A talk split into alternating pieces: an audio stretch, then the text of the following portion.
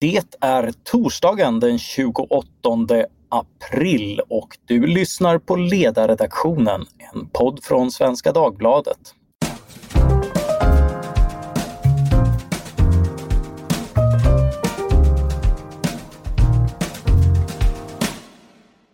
Jag heter Mattias Svensson och dagens ämne är Hur farligt är det med fler miljardärer? Med mig för att diskutera detta ämne har jag ekonomijournalisten Andreas Cervenka som skrivit boken Girig Sverige. Så blev folkhemmet ett paradis för de superrika. Välkommen Andreas! Tack så jättemycket! Det har blivit mycket uppmärksamhet kring din bok och att du i den konstaterar att antalet miljardärer i Sverige snabbt blivit fler på senare år. Är det verkligen ett problem och, och var mer specifikt är i så fall problemet? Ja, jag tycker det är intressant. Eh, reaktionerna på boken har varit eh, lite fascinerande för att många har reagerat ganska känslomässigt. Eh, dels på titeln som är medvetet eh, lite provocerande förstås. Eh, men sen också att jag skriver om miljardärer och en del som inte ens har öppnat boken har liksom blivit arga för att jag jagar miljardärer. Nu är inte det riktigt tesen i boken. Eh, men i boken så ehm, beskriver jag ett eh, experiment som en amerikansk forskare har gjort där man låter människor spela Monopol. Och det som har varit intressant är att reaktionerna på boken har delvis påmint mig om det här experimentet. Nämligen han lät vissa spelare får fördelar med att spela Monopol. De kanske får fler tärningar eller dubbelt så mycket pengar när man passerar gå och sådär. Och då, naturligtvis så vinner de. Eh, men det han kunde konstatera att eh, dels under spelet så började de bete sig lite otrevligt. Sen efter spelet när han intervjuade dem och frågade om eh, liksom, varför de vann eh, så sa ganska många att det var för att de var skickliga. Eh, inte, även fast de visste att de hade fått fördelar. Och det påminner mig lite därför att min tes i boken är inte att liksom, eh, rika människor är onda eller att det i sig är ett problem att någon blir miljardär. Eh, däremot så ska man titta på hur har eh, en del av förmögenheten skapats i Sverige på senare år? Jo, nämligen genom ganska stora överföringar av förmögenhet från vissa grupper till andra. Genom penningpolitik, genom politik. Eh, och därmed har vissa grupper fått det här försprånget eh, som man får i monopolet. Så det är lite grann att man har ett sånt här experiment. Några får tre tärningar och dubbelt så mycket pengar. Och sen när man vinner och någon ifrågasätter det så svarar man med Men det är väldigt tråkiga signaler du skickar om ägande och företagande Andreas. eh, och det, det, är du avundsjuk eller? Det, det tycker jag är lite eh, har präglat liksom reaktionen. Ja, men om man, om man tar den invändningen så är det inte bara så att de här miljardärerna är ett antal exceptionellt skickliga och hårt arbetande människor som levererat tjänster som folk velat ha. Jag tycker mig ha läst ett antal porträtt av folk med plågsamt långa arbetsdagar och vars liv jag inte skulle vilja byta mot mitt. Och, och har de inte behövt prestera för att tjäna pengar? Jo, det är klart. Och det, menar, det här att jag har många miljardärer är ju delvis ett resultat att vi är ett fantastiskt företagarland i Sverige. Det har varit det jättelänge och är fortfarande. Vilket man ibland inte kan tro när alltså man väldigt ofta hör företrädare för Svenskt Näringsliv klaga på hur, hur liksom dåliga villkor det är för företagare. Men, men, det stämmer inte riktigt. Nej, det är klart att det, det är inget problem i sig. Eh, och självklart har många arbetat väldigt hårt. Men det är också en skillnad på eh, om du har tjänat en miljard eller 50 miljarder kan ju bero på andra saker än att du har jobbat hårt. Det ena utesluter inte det andra och att du kanske har 50 miljarder snarare än en miljard eh, beror ju då mer, som jag ser det, på till exempel den stora makrotrenden tillgångsinflation som vi har haft väldigt mycket av i Sverige. En, en trend som då politikerna i Sverige har spett på genom att förändra skattesystemet och dessutom genomfört ganska stora eh, privatiseringar av tillgångar. Eh, så att det, det här är någon, har blivit lite grann ett spel mot, eh, mot ett mål, som jag ser det i Sverige. Mm, vi, ska, vi ska grotta vidare. Ja. En, en annan förklaring till att fler eh, blir rika är att med globala marknader fl finns fler kunder som är redo att betala för samma sak, inte minst digitala produkter som är lätta att sprida och därför kan man numera enklare bli extremt rik. Hur mycket är det av en förklaring? Eh, det är absolut en förklaring. Det är klart att eh, i, och det är också ganska fantastiskt att i, eh, i den nya världen så kan man skapa världssuccéer från liksom en, i princip en skrubb i, i, Stockholm. Jag tänker på till exempel Minecraft eh, som är ett sånt exempel. Där också det finns en enorm skalekonomi och så vidare. Men man måste också titta lite grann på jag menar, vi, vi i Sverige har ju eh, berömt oss själva med att vi har många så kallade enhörningar. Det tycker jag är ett väldigt intressant fenomen. Nämligen i normal företagsekonomi så brukar man inte tycka att en hög värdering är ett självändamål. Ska du kanske ska förklara termen ja, precis, enhörning? Jag ska förklara. Det är alltså en term som myntades för, för tio år sedan. Alltså att en enhörning eller unicorn är ett bolag som värderas eh, till en miljard dollar eller mer och som inte är börsnoterat. Eh, som är alltså ägs i en privat miljö. Men är du investerare så, så är det inget självändamål att ett bolag är högt värderat. Men det har det blivit. Eh, det finns till och med investerare som säger jag jagar unicorns. Okej, okay, så jagar liksom högt värderade bolag. En del av dem är förstås värda, men en del av dem är inte det. Och, eh, och hur har det blivit så? Jo, eh, med den eh, penningpolitik vi har haft i liksom långt över ett decennium nu Eh, när man eh, har sänkt räntan till noll och dessutom stimulerat med, med stödköp och så som vi kanske också kommer in på. Eh, så är det så att det här har en direkt effekt på värderingen av olika tillgångar. Det är som en ratt, ett reglage som skruvar. Om du skruvar ner reglaget från 5% ränta till noll så kommer automatiskt eh, eh, värderingen av fastigheter, bostäder aktier gå upp. Och den eh, reglage som går upp allra mest det är techbolag. Därför att där ligger den eventuella vinsten längst fram Eh, det är liksom hög risk eh, och, och liksom högst chans till bra avkastning. Därför har eh, investerare över hela världen översvämmat den här branschen med eh, kapital. Och det kan vi se ett tydligt exempel på i Stockholm. Hur kommer det sig att det finns åtta aktörer som eh, driver liksom eh, elsparkcykelsuthyrning? Ingen av dem tjänar i princip pengar. Eh, men det spelar ingen roll därför att de alla har som affärsidé att eh, expandera snabbt, öka omsättningen och eh, därmed upprätthålla sin höga värdering. Det här att det finns obegränsat med kapital i princip, väldigt billigt, har gjort, förstört liksom disciplinen tror jag hos väldigt många företag. Och det har skapat visserligen en hög värdering men den värderingen kommer ju verkligen sättas på prov nu när, nu när räntan går upp och den här dynamiken förändras. Eh, du har flera exempel i din bok på företag och sektorer där man kunnat bli rik utan att prestera särskilt mycket i termer av, av eh, ja, tjänster, värdeförbättring och annat, utan där det snarare handlar om att ha utnyttjat penningpolitiska stimulanser. Du är inne på det. Eh, och, eh, finns det fler exempel på hur de här mekanismerna kan se ut? Ja, men det tydligaste exemplet är ju fastighetsbranschen där det har skapats enorma förmögenheter och, och liksom börsvärden som har liksom exploderat eh, i storlek. Och det beror ju till allra största delen på eh, ränteförändringen. Nämligen den, största, den viktigaste råvaran i fastighetsbranschen är ju inte liksom glödlampor och eh, mattor i entrén utan det är ju lån, skulder. Eh, så det som har hänt är att dels har ju lånekostnaderna eh, för de här bolagen som sjunkit dramatiskt. Men dessutom så har ju ehm, investerarnas Eh, krav på avkastning sjunkit. Nämligen så här att eh, eftersom det varit noll och till och med minusavkastning på traditionella placeringar som statspapper och så vidare så är man beredd att eh, acceptera mycket lägre avkastning på att äga en fastighet. Eh, och det yttrar sig då i att eh, fastigheten ökar i värde. Så det är liksom en dubbeleffekt där. Och där, jag menar, en jättestor del av den här fastighetsboomen handlar om att befintliga hus byter ägare till ständigt högre värderingar. Ingenting har hänt med huset. Det är samma hyresgäster, eh, samma hyror kanske till och med. Eh, men värderingen har gått upp väldigt mycket. Och det, då har vi inte presterat så mycket för att skapa de här miljarderna. Nej, det är inte, det är inte så mycket mer eh, tillväxt men, men väldigt många eh, avkastningar i, i omsättningen misstänker jag när, när banker ger lån och liknande. Mm.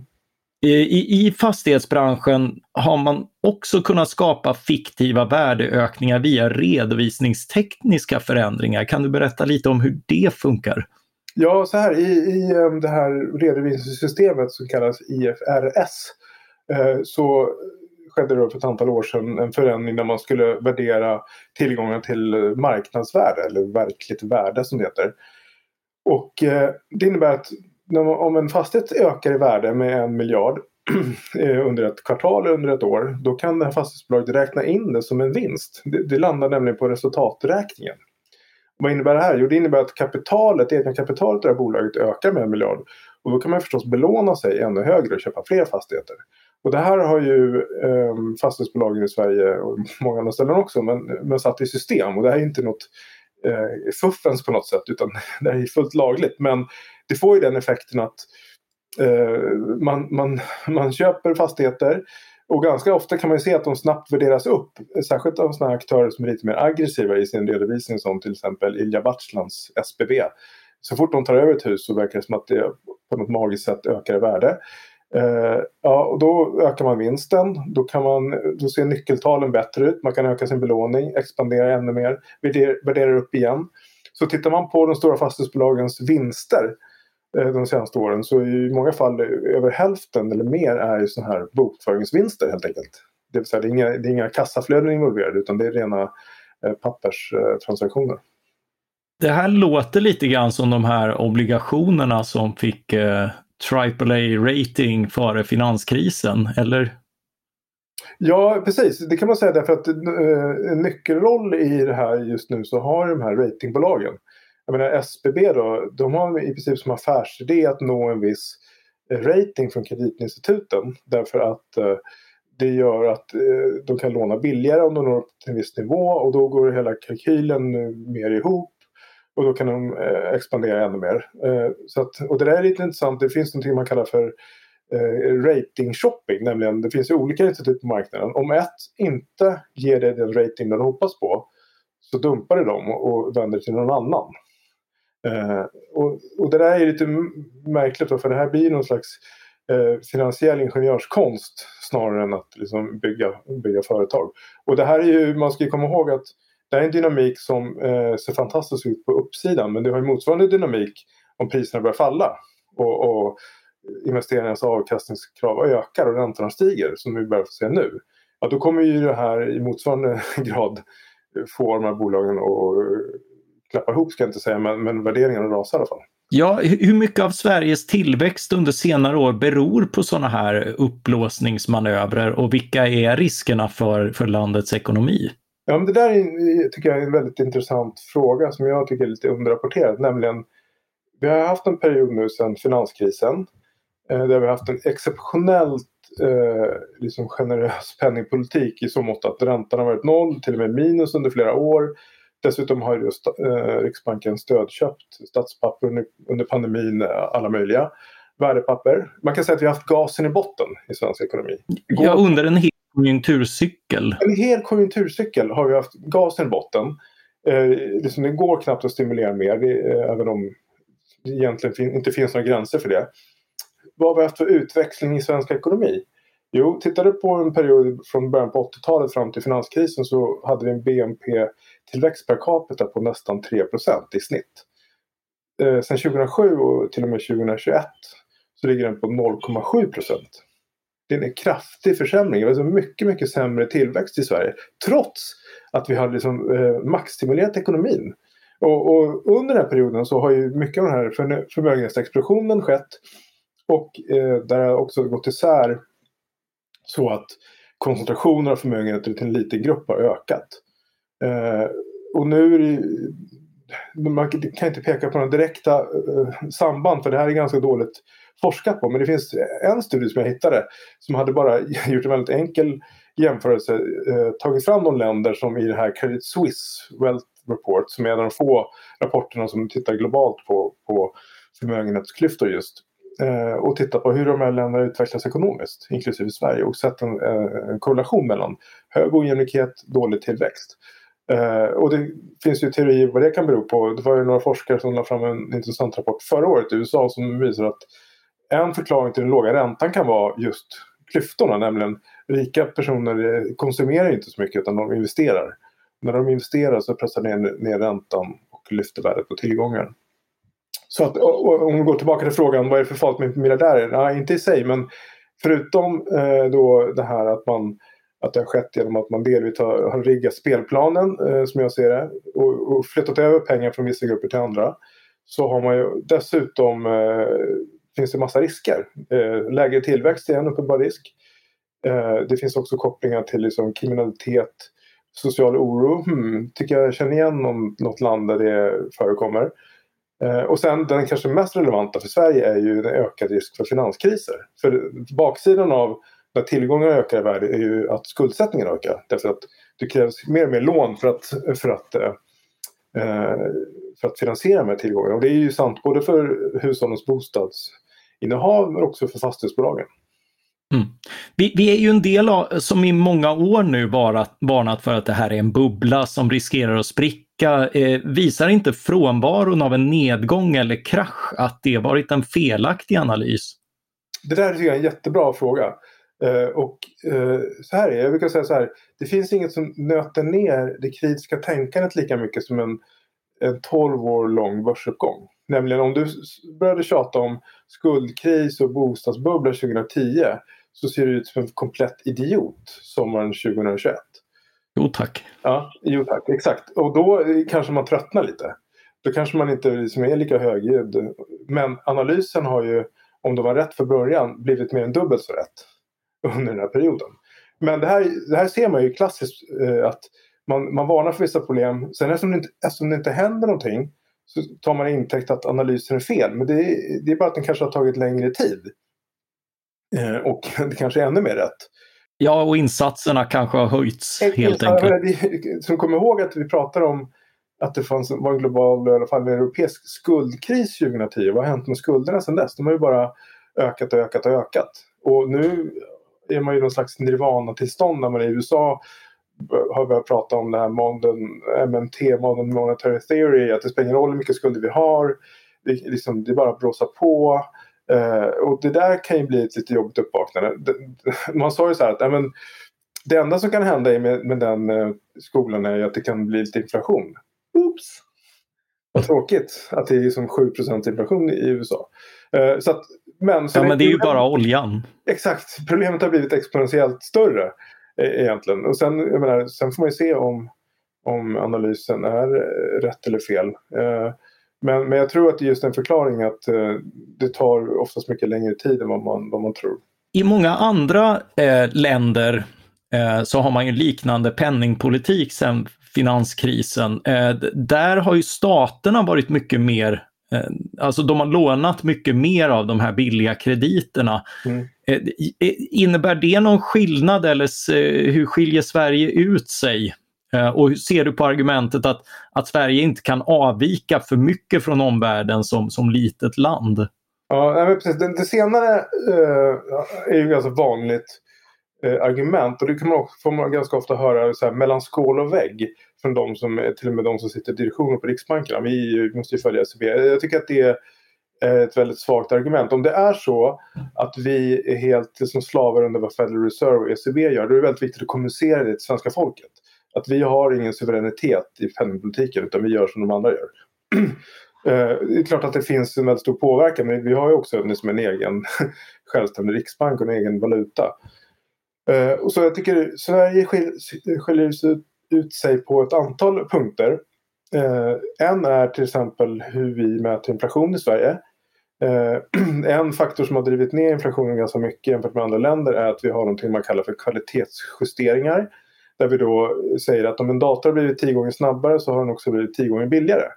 Trots att prislappen är densamma om vi går till Mediamarkt. Alla länder har inte exakt samma metoder. I Norge har datorerna blivit 150% dyrare eh, Eh, medan de under samma period blivit 95% billigare officiellt.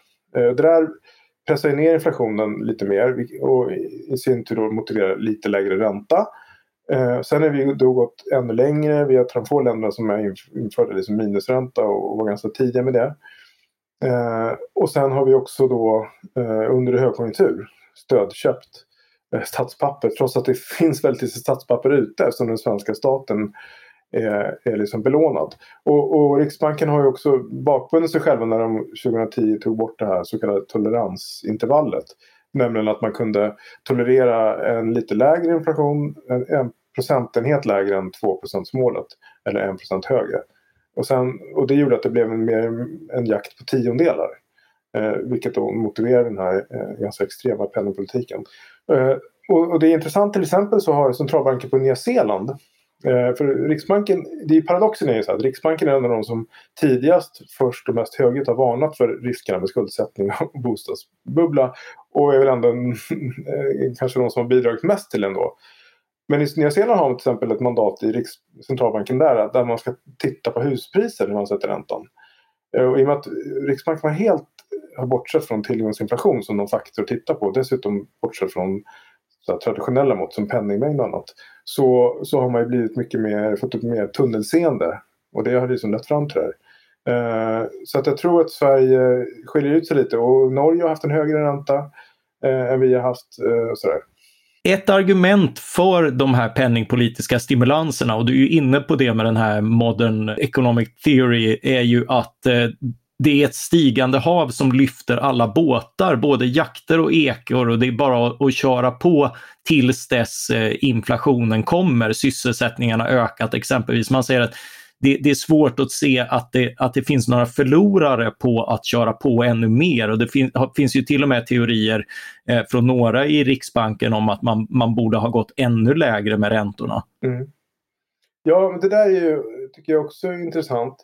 Eh, om man är liksom lite nyanländ till i den nationalekonomin och tittar på, då måste man ju verkligen fråga så här, om det är så bra med minusränta, varför är inte räntan minus 10 procent? Varför stödköper inte Riksbanken för 10 000 miljarder? Det verkar jättebra. Eftersom det verkar gratis och inte har några risker.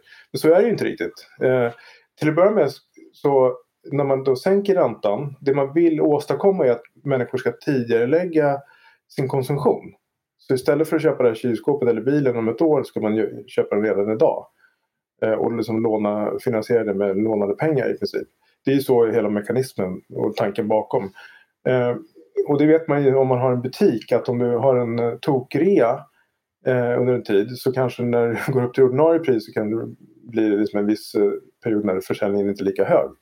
Så vi har ju haft en, en ständig rea i ekonomin i 12 år där vi hela tiden har försökt inteckna framtida konsumtion och, och, och använda den idag. Så vi har intecknat egentligen de uh, ungas uh, konsumtion. Uh, så vi vet ju fortfarande inte hur stark är ekonomin med en så kallad normalränta. Har vi uttömt mycket av efterfrågan? Har vi liksom levt upp den redan? Det, det är en fråga. Liksom. Det är inte ännu testat eftersom man inte har kunnat höja räntan så mycket. Eh, och sen har ju då eh, Jo, det lyfter alla båtar fast vissa båtar lyfts ju snabbare än andra eftersom eh, fördelningen av tillgångar är ju inte jämn utan är ojämn och stigande så. Eh, många grupper äger inga tillgångar så det, det, är inte heller sant. Och ofta så ser man ju även från fackförbund och så vidare att det är någon slags gammal tro att ja, men, låg ränta betyder sysselsättning alltid och hög ränta betyder alltid arbetslöshet. Ja, det är inte riktigt sant. För om du har låg ränta för länge och skapar för mycket bieffekter i form av skuldsättning, då kan det bädda för en kris. Och vilka är det som drabbas i en kris? Ja, det är inte miljardärerna kan jag säga. Även om de kanske blir fattigare. Men, men det kommer ju slå mot de svaga i samhället. Det vill säga de grupper som fackförbunden egentligen borde värna.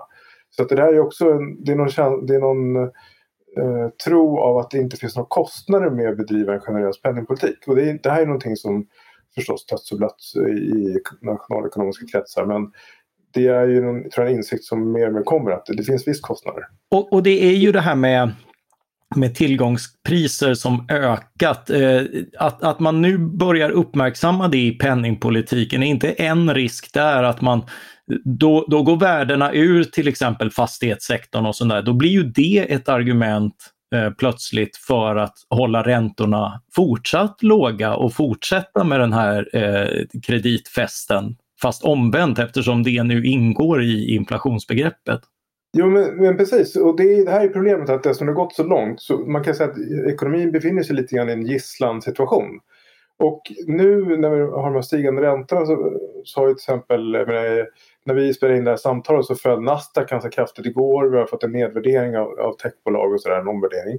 Eh, och det påminner mig väldigt mycket om eh, när jag var i USA 2018 på hösten. Då började Federal Reserve höja räntan och då blev det liksom direkt eh, så här kalldusch i Silicon Valley. Eh, aktien rasar. Så det var precis där. Därför att de, de eh, gynnas mest när räntan är låg och är alltså mest sårbara för räntehöjningar. Eh, och då var det snack om att det var slut på eh, bubblan skulle spricka och det var liksom man skulle sparka folk och sådär. Sen eh, följer börsen så mycket så att Federal Reserve ändrade sig. Och sa mm, vi, vi tål inte tydligen räntesänkningar. Här, här, eh, här gör vi helt om och sänker räntan igen. Eh, så, och nu är vi, är vi i motsvarande situation. Så gång på gång så har man ju eh, liksom fallit till föga för marknadsreaktioner och sagt att det, det verkar värre om om finansmarknaden faller då kan vi inte liksom eh, stimulera. Nu är det, den situationen mycket mer akut. Alltså nu, tidigare var det ändå låg inflation men nu är den så hög. Och, och eftersom man då har bedrivit hela politiken grundat på att man har ett inflationsmål som viktigaste uppgift så blir det väldigt eh, pikant om man inte kan höja räntan ens när inflationen skenar. Några som ändå betalar väldigt höga räntor det är ju de som lånar eh, så kallade sms-lån och andra lån utan, utan säkerhet som ju ofta är de mest eh, utsatta. Eh, varför har, har inte Riksbanken som vill sänka räntorna intervenerat här och köpt upp deras skulder? Eh, ja, det kan man fråga sig. Uh, och jag tycker det, det bland liksom, ett av mina huvudargument i boken är just att uh, vi har inte haft någonting som man kan kalla för en riktig marknadsekonomi. Mm. I, I, min värld så är marknadsekonomi till exempel förutsätter vissa saker. Det är liksom konkurrens uh, och inte minst liksom fri prisbildning. och till exempel sådana saker som att tar du risker så kan du vinna men du kan också förlora. Det, så ser det inte ut. Vi vet ju det, så finanskrisen var en gigantisk bailout.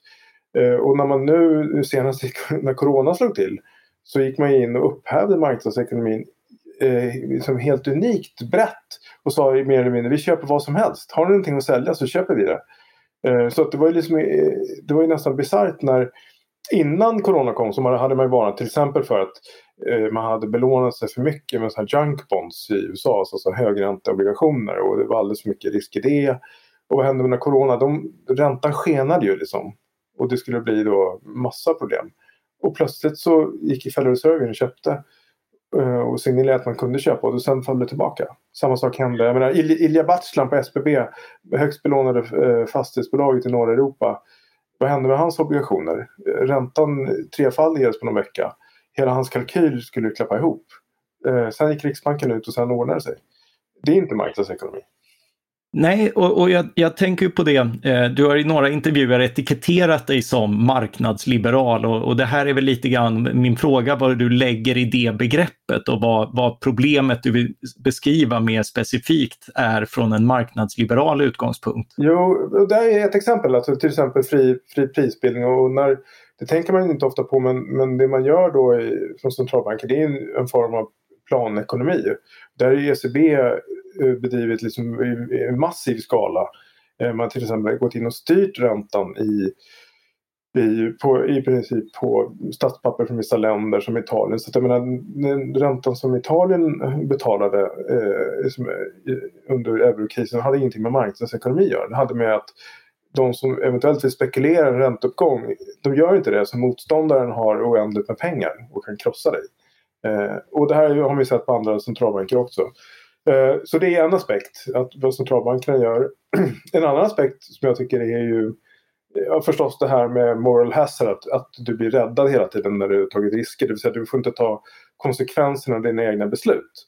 Eh, och det kan ju vara motiverat när det blir som krisen och corona, men när det händer gång på gång så kommer det påverka olika aktörers riskbenägenhet. Och jag tror till exempel att när Riksbanken under corona gick in och räddade svenska bostadsmarknaden och fortsatte med det trots att den stabiliserades väldigt snabbt så tror jag många svenska hushåll drog slutsatsen att eh, Riksbanken kommer alltid rycka ut och rädda bostadsmarknaden.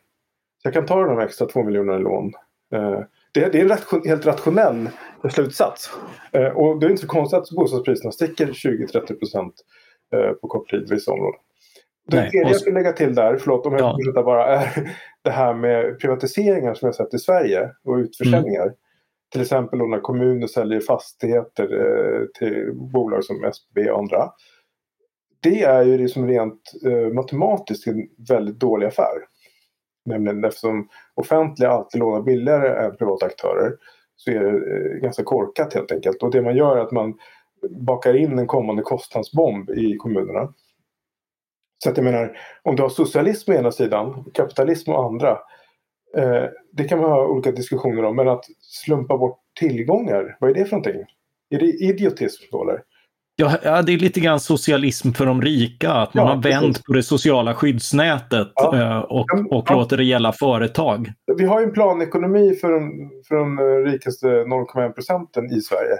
Och jag tycker det är fascinerande liksom, med svenska alltså företrädare för företag som då borde bejaka marknadsekonomin. Alltså, så fort det blir problem då springer de till staten och, och blir jättearga om de inte får ovillkorade stöd.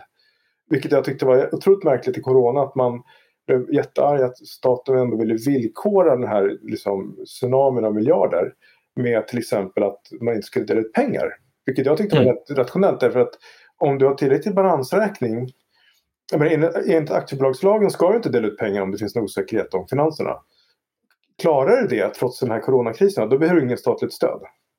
Och då, då blir du belönad för din, eh, din liksom, välskötta affär med att du kan dela, fortsätta dela ut. Och har inte den balansräkningen då kan du ta pengar från staten. Jag tyckte inte det var något konstigt alls. Men det, det var verkligen eh, enighet kring att staten borde ovillkorat ge pengar hit och dit. Ja, jag kände mig lite smått som Magdalena Anderssons vän, enda vän när hon eh, ja. bromsade där lite grann. Eh, jag, jag, tänker på, på det här, vi, vi har nu pratat väldigt mycket om ojämlikhet och väldigt mycket om penningpolitiken ba bakom det. Är, är det inte konstigt att vi har haft en stor regeringstillsatt utredning om ekonomisk ojämlikhet som knappt nämnt penningpolitikens omfördelande effekter och än mindre försökt räkna på hur stora de kan vara? Ja, det tycker jag är otroligt märkligt därför att det här är som en blind fläck i penningpolitiken. Och man ser oftast mycket så här ganska invecklade försvarstal som handlar om att det är de indirekta effekterna liksom för de fattiga. Så här. Men mm, återigen, det är liksom bara en matematisk ekvation att går räntan ner så går vissa tillgångar upp och frågar människor på finansmarknaden så, så förklarar de väldigt mycket av den här börsyran som har pågått i över tio år fram till nu är ju på grund av räntan. Och, och räntan och det är i sin tur den likviditet som har skapats som gör att att eh, investerare liksom jagar efter avkastning, alltså minusräntor på statspapper tvingar ju pensionsfonder och andra att ta ökade risker och sådär och det får ju som spridningseffekter.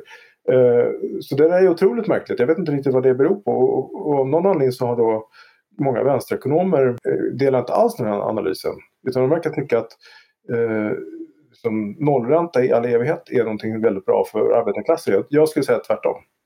Ja, nej men de vill väl att, eh, att, att staten ska ta lånen istället för privatpersoner och så tänker de sig att staten då blir väldigt rik. Jo, jo men så är det väl, men, och det finns, ligger ju någonting i det därför att det här är ju kommunicerande kärl.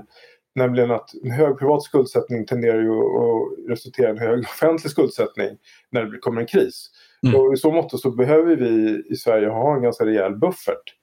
Eftersom vi är eh, ett av världens absolut mest skuldsatta länder och tittar på privat skuldsättning. Eh, så mm. det är ganska bra att vi har en väldigt låg statsskuld. Dessutom en stor banksektor. Så, att, eh, så det, är väl, det är väl relevant men det är ju ganska oansvarigt att låta den privata skuldsättningen liksom skena iväg utan att man har gjort någonting åt det. Mm.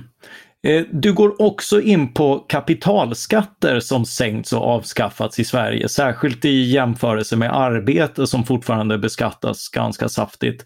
Eh, var det inte så att många av de här skatterna avskaffades av goda skäl? Jag tänker att gåvoskatten krävde tusentals administratörer, arvsskatten ställde till det för familjeföretag och de allra rikaste fick ändå undantag från förmögenhetsskatten eftersom till och med socialdemokratiska regeringar såg värdet i att de bodde kvar i landet och investerade och spenderade härifrån. Eh, visst, men man, man, får tänka på... Först ska man tänka på den, den samlade effekten. Eh, och då ska man också ta i som beaktande så här, de här tre trenderna. Nämligen ett, tillgångsinflationen. Om den får liksom drivs av en oberoende riksbank och får konstiga bieffekter då är det politiska systemets uppgift att motverka de effekterna. Istället har man gjort tvärtom och liksom sänkt eh, alla skatter på rad. Eh, men det andra är att, okej, okay, hur ser det ut i omvärlden? Det är inte så att alla länder har avskaffat de här skatterna. Till exempel några av våra närmaste grannländer har ju kvar en hel del av skatterna. Ta till exempel Finland. Jag menar, miljardären Björn Wahlroos som dubbel, har dubbelt medborgarskap. Han flyttade Nordeas huvudkontor från Sverige till Finland men flyttade sig själv från Finland till Sverige. Vilket gör att han ibland slipper arvsskatt när han ska fördela sina miljarder och, och dessutom förmögenhetsskatt och gåvoskatt. Så, att, eh, så, så sammantaget har det plötsligt blivit väldigt eh, gynnsamt. Och, jag, menar, jag bodde i USA två år, de tycker knappt det är sant. Man förklarar det som att det inte finns någon fastighetsskatt, ingen arvsskatt, ingen gåvoskatt. För miljardärer är det mycket mer eh, lönsamt nästan att vara i, i Sverige än vad det är i USA. Dessutom har vi ju de här reglerna som gör att det, om du har liksom lite bra på skatteplanering så kan du ju undvika eh, väldigt många skatter. Och dessutom har vi ju på senare år det här investeringssparkontot. Som är eh, ganska stor reform skulle jag vilja säga. Därför att vi har ju byggt upp eh, så här, välfärdslandet på några principer, vi och andra länder. Till exempel det här med att det ska vara progressiv beskattning. Okay? Eh, tittar vi på fastighetsskatten, den är då regressiv. Det vill säga du betalar samma maxavgift, 8500 om du äger en eh, Daniel Ek som äger sitt hus för 500 miljoner i Djursholm. Eller om du äger ett radhus i, utanför Borås. Eh, det är en regressiv skatt. Eh, en annan dröm för liksom, libertarianer är ju platt skatt. Och där har du investeringssparkontot. Du betalar samma procentsats som du har 1000 kronor eller en miljard. Så som det är i Sverige så är det så här, du kan ha, bo i det här 200 miljoners huset i Djursholm, betala 8500. Du har en miljard på ett investeringssparkonto. Du tar 50 miljoner utdelningar varje år som du lever upp. Och på den, den inkomsten betalar du 7,5% i skatt. Sen kommer någon och städar åt dig med RUT och ROT. Eh, och de betalar tre gånger så mycket skatt. Det, det är att frångå eh, de liksom principer som vi har haft. Jag förstår din poäng. Eh, eh en en annan invändning är Magnus Henriksson visade i en artikel i Ekonomisk Debatt tidigare i år att kapitalskattesänkningarna sannolikt ändå inneburit att Sverige fått fler företag under en period där andra fått färre och därmed sämre konkurrenstryck och liknande. Är inte det bra och precis vad som avsågs med att, att sänka de här nivåerna? Eh, säkert, men jag tycker det som är relevant i Sverige, eh, det är klart att det finns andra länder som har ännu lägre kapitalskatter. Eh, och så, men det som är bekant med Sverige är att vi fortfarande har ett av världens högsta skattetryck på arbete. Eh, och har sänkt det väldigt mycket på kapital. Det vill säga att det här gapet mellan marginalskatten om man säger så på arbete eh, eh jämfört med marginalskatten på kapital den gapet är ju jättestort. Och det, det ändrar incitamenten eh, eh, för saker. Men till exempel, jag skulle vilja påstå i Stockholm bland människor som tjänar pengar, så att de är välbeställda. Eh, där är det inte så att det finns något intresse av att ha en hög lön. Det är inte så man jobbar. Man jobbar med bolag och med utdelningar och liksom investeringssparkonto, kapitalförsäkringar. Det finns ju massor sätt. Eh, det, det, är så man ska ta ut pengar, inte på lön. Det är bara avbränning. Det är börsdirektörer som är tvingade att ta ut hög lön. Och det här, är ju, det här ändrar incitamenten. Och det visade ju Claes Eklund i sin stora utredning om skattesystemet. Att till exempel kan man ju se att eh, lönenivåerna i, i bolag är ju liksom, påverkas av de här brytpunkterna för när man kan ta ut då den här eh, förmånliga skattesatsen. Och att det ligger liksom över 1100 miljarder i obeskattade vinster i de här bolagen. Vad betyder det? Jo, det betyder att vi har byggt upp välfärdssamhället på skatt på arbete och vi har sagt att höjer vi kapitalskatterna kommer alla människor med pengar fly. Men det kan också vara så att nu är det en flykt från arbete till kapital. Nämligen att du omvandlar egentligen lönearbete till, till bolagsform. För det är mer förmånligt. Eh, så att skattebasen för arbete kan ju vara i fara. Och tittar du på vi har haft en period liksom med enormt exceptionell liksom, utveckling på kapitalmarknaden. Men jag tittar i, i budgeten nu så staten tar in ungefär 1300 miljarder på skatt på arbete direkt och indirekt. Och bara lite mer än 100 miljarder på eh, kapitalskatter från hushåll. Det är 8 procent av totalen. Eh, det är ganska lite. Mm. Det, det, låter som att det ändå finns ett utrymme för en, en skattereform och det, var, det börjar ju bli 30 år sedan. Ja, det borde vi hade finnas det. Och det handlar ju om någon slags incitament också, så här, mer filosofiskt. att eh, jag menar, det går ju inte, eftersom vi behöver få ihop så mycket pengar för att kunna bo och säkra vår pension så kan man inte göra det med lönearbete. Eftersom skatterna är så höga. Utan då måste man ju eh, liksom, spekulera i kapital eller starta företag. Så det är ju i sig inget negativt med det. Men, men jag tror att man snedvrider incitamenten ganska kraftigt. Och då får vi nog tänka om vad är det för ekonomi och vad är det för skattemodell vill vi ha? Vad är det vi ska tjäna pengar på och så vidare. Jag tror det påverkar väldigt mycket. Vad är det för yrken som människor ska ha? Är det viktigt med vården, polisen, militären och skolorna? Ja, då kanske de, ska de då vara en av de få i, i Sverige som lever på lönearbete men dessutom höga skatter. Det är när man då kan leva skattar liksom 7,5 procent som miljardär. Jag tror inte att det är hållbart. Nej, eh, och där eh, eh, du, du rekommenderar en annan penningpolitik och en, en skattereform som omfördelar så att, så att mer tas ut av, av kapital och mindre på eh, inkomster. Har jag förstått dig det rätt då ja, i det, det övergripande? Det är väldigt modesta skissade förslag och jag, det är liksom det är den här klassiska, men gör bättre själv då. Jag, jag, ser inte, jag är inte som ingen politiker men jag, jag vill ändå ha med i boken några uppenbara saker som man skulle kunna göra för, för att jämna ut. För det som är huvudtesen är i boken att, att vi har haft lite grann en riggad spelplan. Där man har mm. omfördelat tillgångar från en grupp till en annan och det tycker jag ska ske i så god demokratisk ordning. Så att dels för det första alla är medvetna om det och sen att det finns en problemanalys eh, kring liksom fördelar och risker. För så här är det ju att liksom, det här har ju skett eh, under först en socialdemokratisk regering sen en borgerlig, sen socialdemokratin i koalition.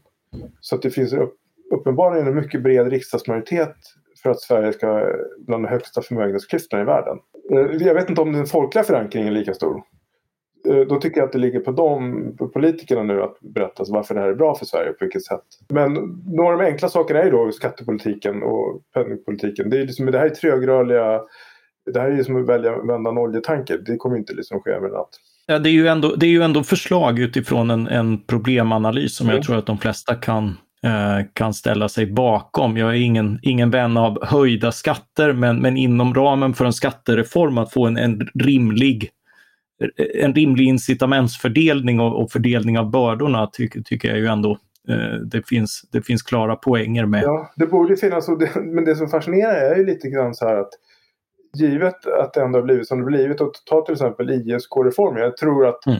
den blev mycket mer generös än vad man, vad man trodde. Därför att då, då visste man inte att räntan skulle gå ner så mycket man visste inte att börsen skulle gå upp så mycket. Så, så det kan man liksom kanske då tänka. Men, men, men ingen, väldigt få, få liksom försök eh, har gjorts för att ändra det här. Och när man nu bollade upp ett förslag här från Socialdemokraterna då blev det ju ramaskri. Det var liksom gangsterfasoner, det var kontraktsbrott, det var liksom häxjakt på småsparare. Är det nödvändigtvis upplägget eller, eller det faktum att det, att det kom i kombination med en exceptionell uppgång? Det är väl eh, upplägget och jag tror att man gjorde väl en, eh, en kalkyl eh, då, tror jag Riksrevisionsverket som, som handlade om man skulle bedöma om det var skatteförmånligt eller inte. Men uppenbarligen så gjorde man en felanalys. Därför att mm. empirin är att det blev otroligt förmånligt. Och som det är nu, alltså de, summan på de, det skattebortfall som har varit. Det ska ju vara, då ska du ha liksom många år av dålig börs för att hämta hem det. Och nu är det ju sant att i, nu när börsen faller så är det ju då att staten kommer ändå få in pengar som det är schablonintäkt. Men mm. det kommer inte kompensera för bara fjolårets i princip eh, missade skatteintäkter. Det fanns ju någon eh, uppskattning från, eh, tror det var Finansdepartementet vad svenskan som skrev om det. Man bara summerar ungefär 160 miljarder i uteblivna skatteintäkter och det tror jag var någonstans i mitten på 2021. Så att, jag skulle gissa på att den säkert närmar sig 200 miljarder om man tittar på hela ISKs livstid. Eh, mm. Det är rätt mycket pengar. Det är rätt dyr ja. och, och den tillfaller då tre, alltså 10 procent av de som har pengar på ISK äger 73 procent av tillgångarna vilket innebär att eh, 300 000 svenskar, 3% av befolkningen, har fått tre fjärdedelar, det blir mycket siffror, av en reform som kostat nästan 200 miljarder. Hade man, mm. hade man gått till val på det så hade det blivit svårt tror jag. eh, men ja. så det blivit. Mm.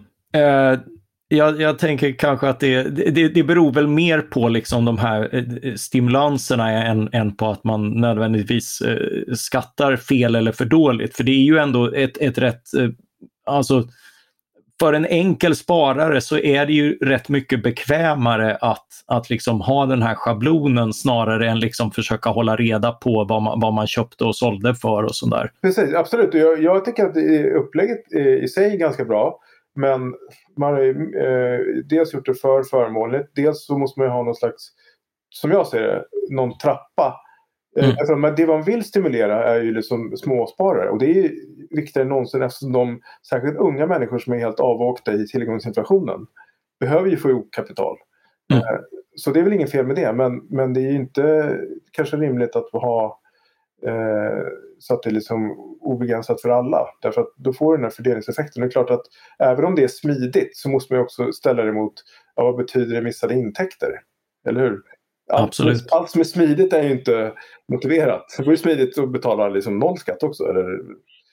Ja, ja nej, jag, jag, tänkte, jag tänkte mer på att det, det kanske inte är utformningen, eh, möjligen nivåerna och, och kanske någon trappa. För, för det kommer ju att vända och, och då, in, ja. inte minst med vår analys så kan det vända ordentligt och då måste du ändå punga ut.